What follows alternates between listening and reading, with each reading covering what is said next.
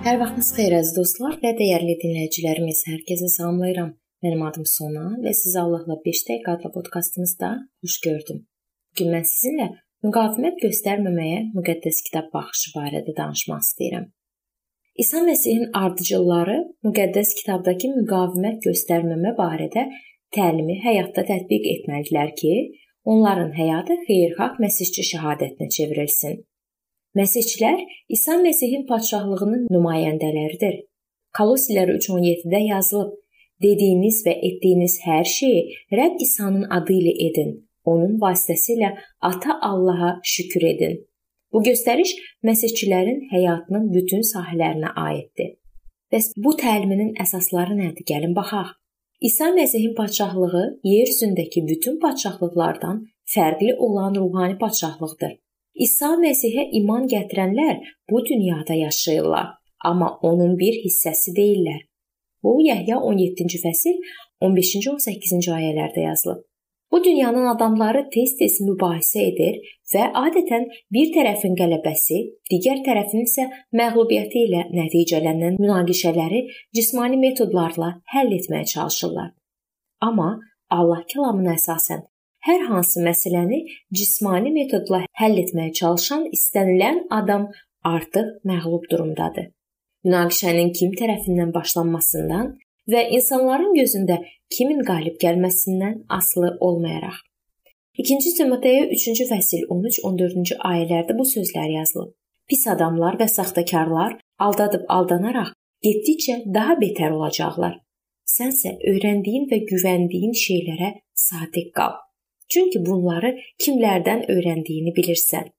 Biz İsa Məsihin təlimi, davranışı, məqsədi, imanı, səbri, məhəbbəti, dözümündən bərk yapışıb müqəddəs bir həyat sürməli və insanları Rəbblə sülhdə yaşamağa çağırmalıyıq. Və yerdəki padşahlıqlara məxsus insanlar öz məsələlərini həll etmək üçün zorakılığa müraciət edəndə İsa Məsihin imanlar cəmiyyəti İsa Məsihin hakimiyyəti, başçılığı və razılığı altında sülh və mömin həyat tərzindən əl çəkməməlidirlər. Həqiqi ruhani xarakter yalnız o vaxt formalaşır ki, insan sınaqlardan keçir. Kolossilə 3:17-də yazılıb: "Hər şey Rəbb İsa'nın adı ilə." Hər bir yerli imanlılar cəmiyyəti üçün şüar bu olmalıdır. Bu çağırış İsa Məsihin Matta 28:20-də gətirilən sizə əmr etdiyim hər şeyə riayət etməyi onlara öyrədin sözlərinə əsaslanır. Bunun nurunda nəyə inandığımızı və sözlərimizlə nəyi bəyan etdiyimizi həyatımızla sübut etməliyik.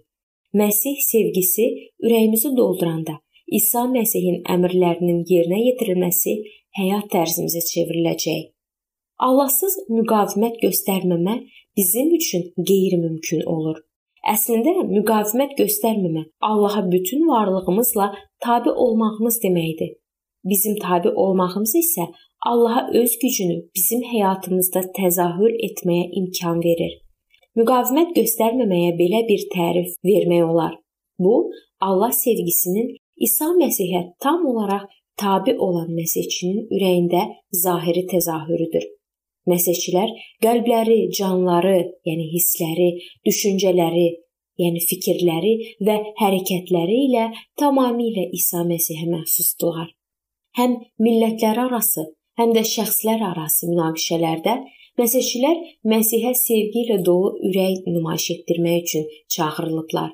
Belə düşüncə tərzinin bir qayda olaraq müqavimət göstərməmə adlanmasına baxmayaraq, O əslində müqəddəs ruhun inanclı adamın ürəyində yuva qurması və onun ağası olmasının sübutudur. Belə adam üçün Allahın maraqları şəxsi maraqlarından üstündür.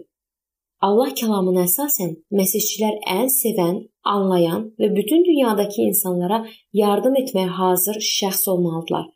Allahın quzusunun rəhbərliyinə tabe olan inanclı insanlar sülh yaradan, qurdlar arasında quzu, quzğunlar arasında göyərçin, şərəfsiz, qəddar və cismani dünyaya həqiqəti daşıyan adamlar olmalıdırlar.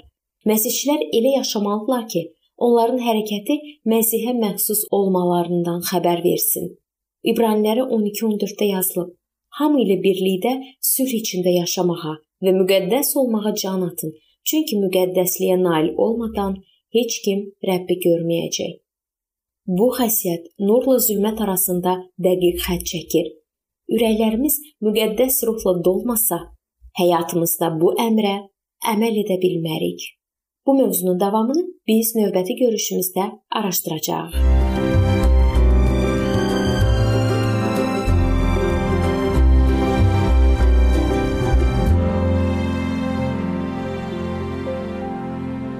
Beləliklə əziz dostlar, bu yerdə bu mövzu sona çatdı.